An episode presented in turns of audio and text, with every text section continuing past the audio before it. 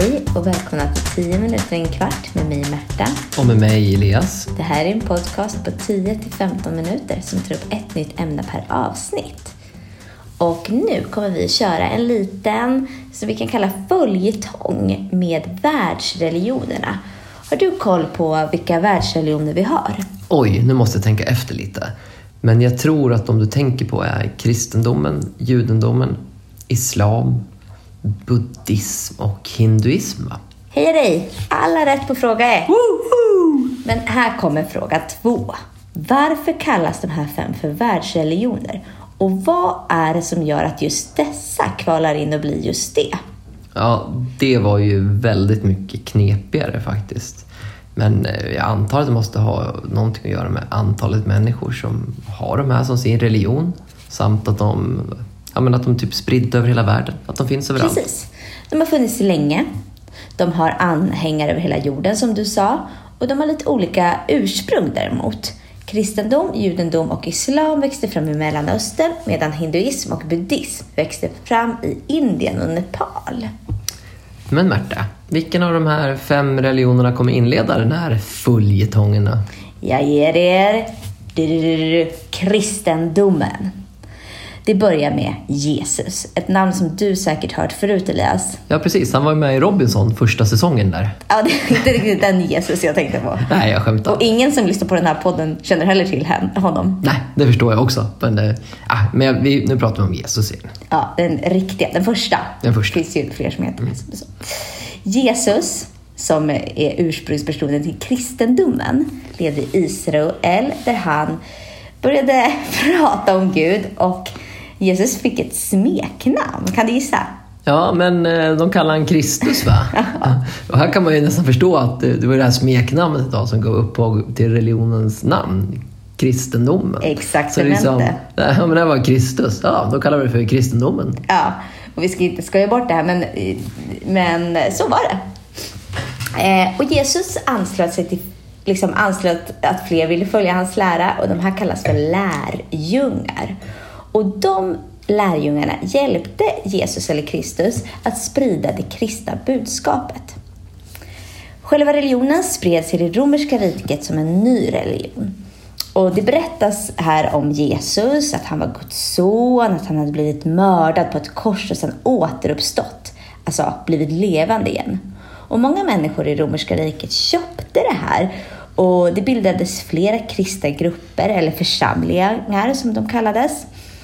Och här var det som sagt var i det romerska riket och det fanns redan en gud, eller vad man ska säga.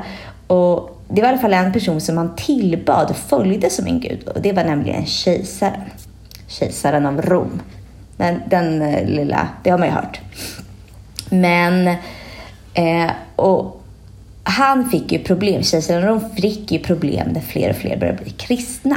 Men hur länge sedan var det här då? På ett ungefär? Ja, men det var på 200-talet ungefär och Kristus, nu är det ju 2020 och vi räknar ju från det att han föddes. Alltså att han föddes ju för 2020 år sedan enligt vårt sätt att räkna, liksom, vad Ja, vi exakt, tror. exakt. Och det här var på 200-talet, så alltså eh, Ja, 200. 200 år efter att han hade fötts. Så han Okej. levde ju alltså inte.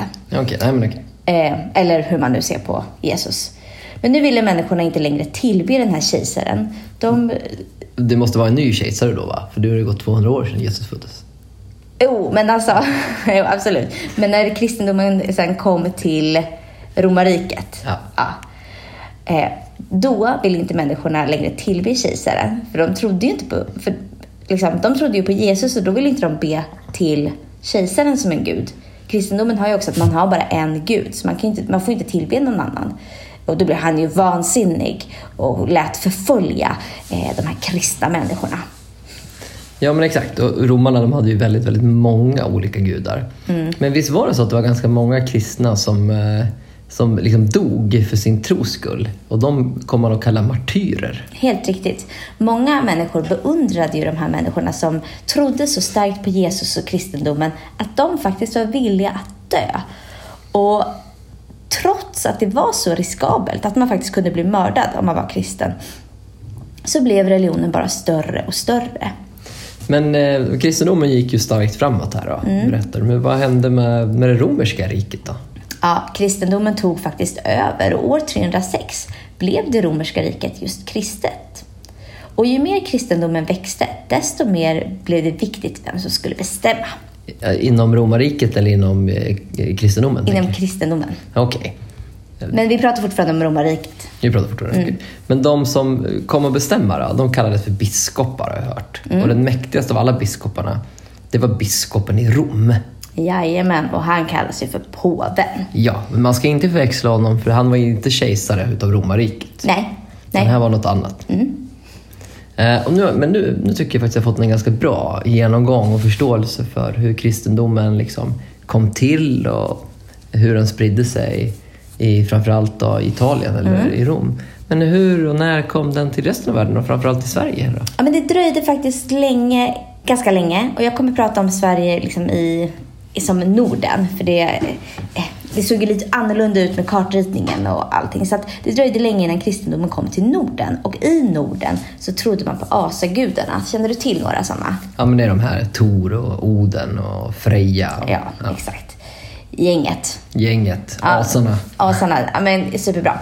På eh, 700-800-talet ungefär så började nordbor, eh, kan du bara nämna för alla här som inte kanske vet vilka nordborna är? Vilka länder är det? Eh, Nordborna, alltså Norden, det är väl då Sverige, Sverige Danmark. mm, Norge, Finland. Finland. Och eh, räknar man med Island i. Norden? Man gör det? Ja. Ja. Man skiljer på Norden och Skandinavien. Det är lite, lite lurigt. Ja, men då började ju vikingarna ge sig iväg i Europa. Och eh, då var det handelsmän, alltså i- vikingarna, som eh, Eh, stötte på kristendomen under sina resor. Och det var faktiskt så att den tyska kejsaren eh, skickade munken Ansgar till Birka som var en handelsstad i Sverige. Eh, och, han bygg, och den här Ansgar han byggde en kyrka och så berättade han om Jesus. Och fler människor lät sig döpas och Ansgar kände sig nöjd och han reste hem. Och då, du, du, du, dog kristendomen ut. Och det här var ungefär liksom 700-800-talet. Eh, eh, så att, eh, och det var drygt ja, eh, eh 1200 år sedan. Men på 1000-talet så kom det munkar från England och Tyskland för att sprida religionen igen. Och då gick det faktiskt bättre. Då kom kristendomen för att stanna i Sverige. Det var så att kungen i Sverige då, eh, Olof Skötkonung, lät sig döpas och kyrkor byggdes och präster och munkar bosattes i Sverige. Och år 1100 eller 1200 eller hur skulle du säga? Eh, 1100 Nej, men 11, 1100 ska jag säga, Ja. eller 1200 ska jag Ja. absolut säga. upprättade man kyrkor runt om i landet. Ehm, och då var det ofta en riking som fick bestämma, alltså en adelsman. Ehm, och man fick, men alla människor fick liksom hjälpa till att bygga kyrkan och betala skatt i kyrkan. Eh, skatten kom senare, men de betalade liksom upp kyrkan och ehm, så. Och hela det här området som människorna som hjälpte till att bygga kyrkan, ka- det kallades för en socken. Oj, socken, det är ett ord som jag typ har hört en gång egentligen i mitt liv. Och det är från det här Emil i Lönneberga som Astrid Lindgren har skrivit. Och då säger de så här typ i början så säger de ju nu ska vi berätta om Emil Svensson på gården Katthult i Lönneberga socken. Mm. Småländskan är tvivelaktig, men du har helt rätt i sak.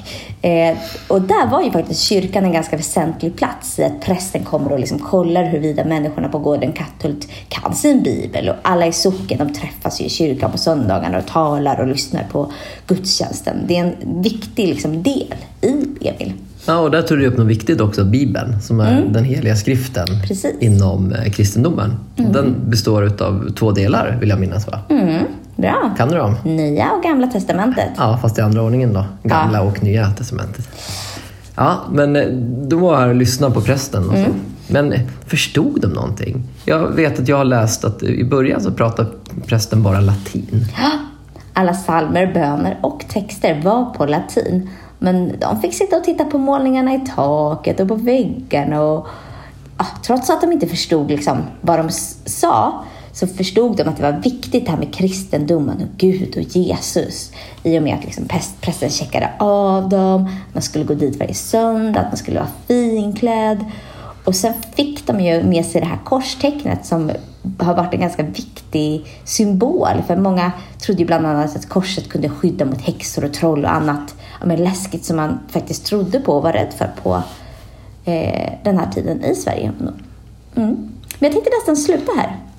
Ja, det här avsnittet har ju mest egentligen handlat om hur kristendomen växte fram Mm. och inte direkt liksom om kristendomen i nutid eller de olika inriktningarna av kristendomen eller så. Nej, och det var faktiskt så att det blev alldeles för långt. Och det här programmet heter ju 10 minuter en kvart, så det får inte vara så, mycket, så långt. Nej, jag fattar. Men då, då får det bli en del två helt enkelt. Ja, men kanske. Men du, innan vi slutar, kan du sammanfatta lite i korthet vad kristendomen innebär för mig? Mm, jag ska göra mitt bästa. Kristna tror på en gud. Och det är den här guden och den här guden tror man är liksom Jesus pappa. Och Gud kan visa sig i tre skepnader. Fadern, Sonen och den heliga Anden. Byggnaden som man håller gudstjänster i, den heter kyrka. Och så finns det en helig skrift som heter Bibeln. Och den består av Gamla och Nya Testamentet. Ja, och vi som har gjort den här podcasten heter Elias och Märta och det är en podcast gjord i samarbete med vikarielärare. Den här podcasten kan ni hitta på vår hemsida www.vikarielärare.se. Till den här podcasten så finns det jättemycket arbetsmaterial eh, som ni kan hitta i det inloggade läget på vår hemsida. Ni kan logga in med lösenordet vikarielärare med litet v. Det här arbetsmaterialet går alldeles utmärkt att använda innan, under och efter man lyssnar på podden. Podden finns också i våra sociala mediekanaler. Vi finns på Facebook som vikarielärare. Gå in och gilla oss. Vi finns på Instagram som vikarielärare. Gå in och följ oss där. På Facebook har vi också startat gruppen Lärarnas kunskapsbank där jag tycker att du som lärare ska bli medlem. Det delas väldigt mycket bra material. Hej så länge! Hej då!